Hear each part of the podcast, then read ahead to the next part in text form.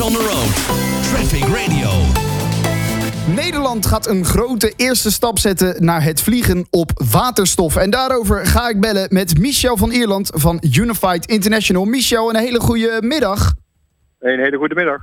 Ja, jullie willen een stap gaan zetten naar vliegen op waterstof met een vliegtuig met tot 80 zitplaatsen. Dat vanaf 2028 moet gaan vliegen tussen Nederland en Londen. Vanaf wanneer uh, zijn jullie met dit uh, project begonnen? Want jullie doen dit samen met nog uh, Innovation Quarter en nog 17 andere organisaties. Wanneer is dit allemaal begonnen?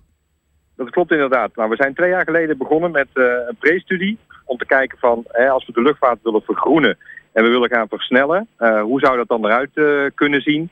En uh, welke technologieën hebben we daarvoor nodig om dat te kunnen doen? En nou ja, dan zijn we uiteindelijk op uitgekomen samen met de 15 MKB's, 15 partners, TU Delft en het NLR. En wat we gaan doen, we pakken een propellervliegtuig en we gaan daar de motor uithalen.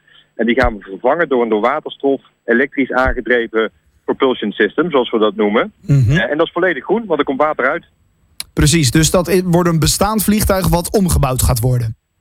Dat klopt inderdaad. Dus we pakken een bestaande propellervliegtuig en dat gaan we ombouwen. En op deze manier door het ontwikkelen van die propulsion kits, hè, zoals we dat noemen, dus die voortstuwingsketen, kunnen we versneld voor 2030 al klimaatdoelstellingen gaan realiseren. En wat we vanuit daar dan vervolgens willen is eindelijk op de grotere nieuwbouwprogramma's komen. Die ongeveer vanaf 2035, daar werkt bijvoorbeeld een Airbus aan, daar werkt een Embraer aan dat we daar ook een plekje kunnen gaan krijgen in die nieuwbouw van totaal nieuwe vliegtuigen. Die iets verderop in de tijdlijn staan. Precies, want hoe is het met de interesse vanuit die uh, vliegtuigmaatschappijen? Vanuit die, die, uh, die Airbus en Boeing. En hoe, ja, hebben zij interesse in vliegtuigen op waterstof? Of denken zij, nou ja, we zijn ook bezig met vliegtuigen die een accu hebben. We hebben de elektrische auto. Ze zijn ook aan het kijken of er elektrische vliegtuigen kunnen komen. Hebben zij daar meer oren naar?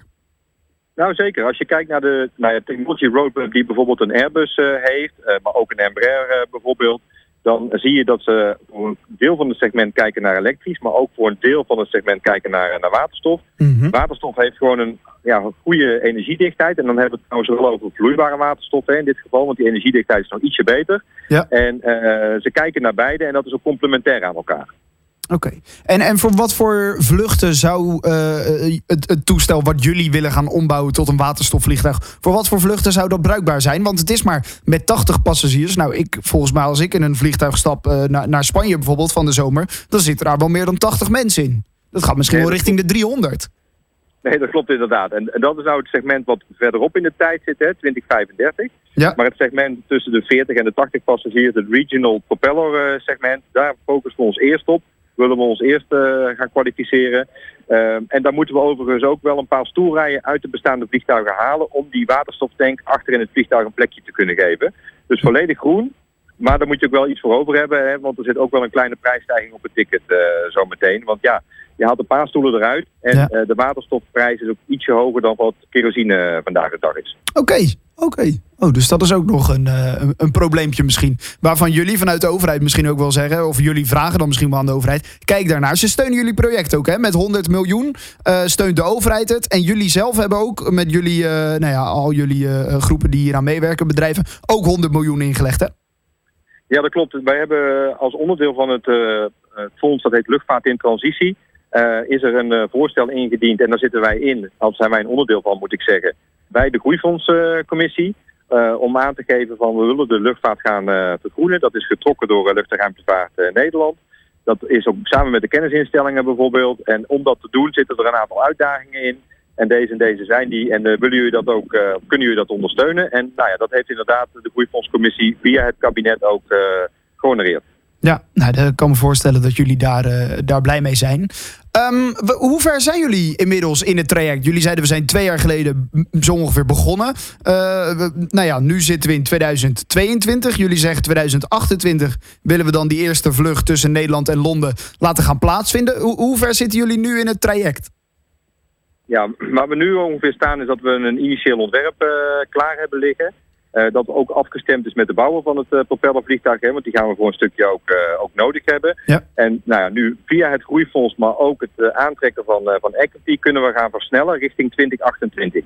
En doordat wij een stuk van het vliegtuig gaan herontwikkelen, hè, die motor... hoeven we niet helemaal van scratch te gaan certificeren. Want dat is echt een heel ja, tijdsrovend proces. En kunnen we bijvoorbeeld met het NLR en met de TU Delft en met een HDSE die ervaring hebben bij het toestel, maar ook met de regelgever, de luchtvaartautoriteit, ja. zijn wij in staat om ook dat stukje uh, goed in te vullen en ook eigenlijk versneld in te vullen.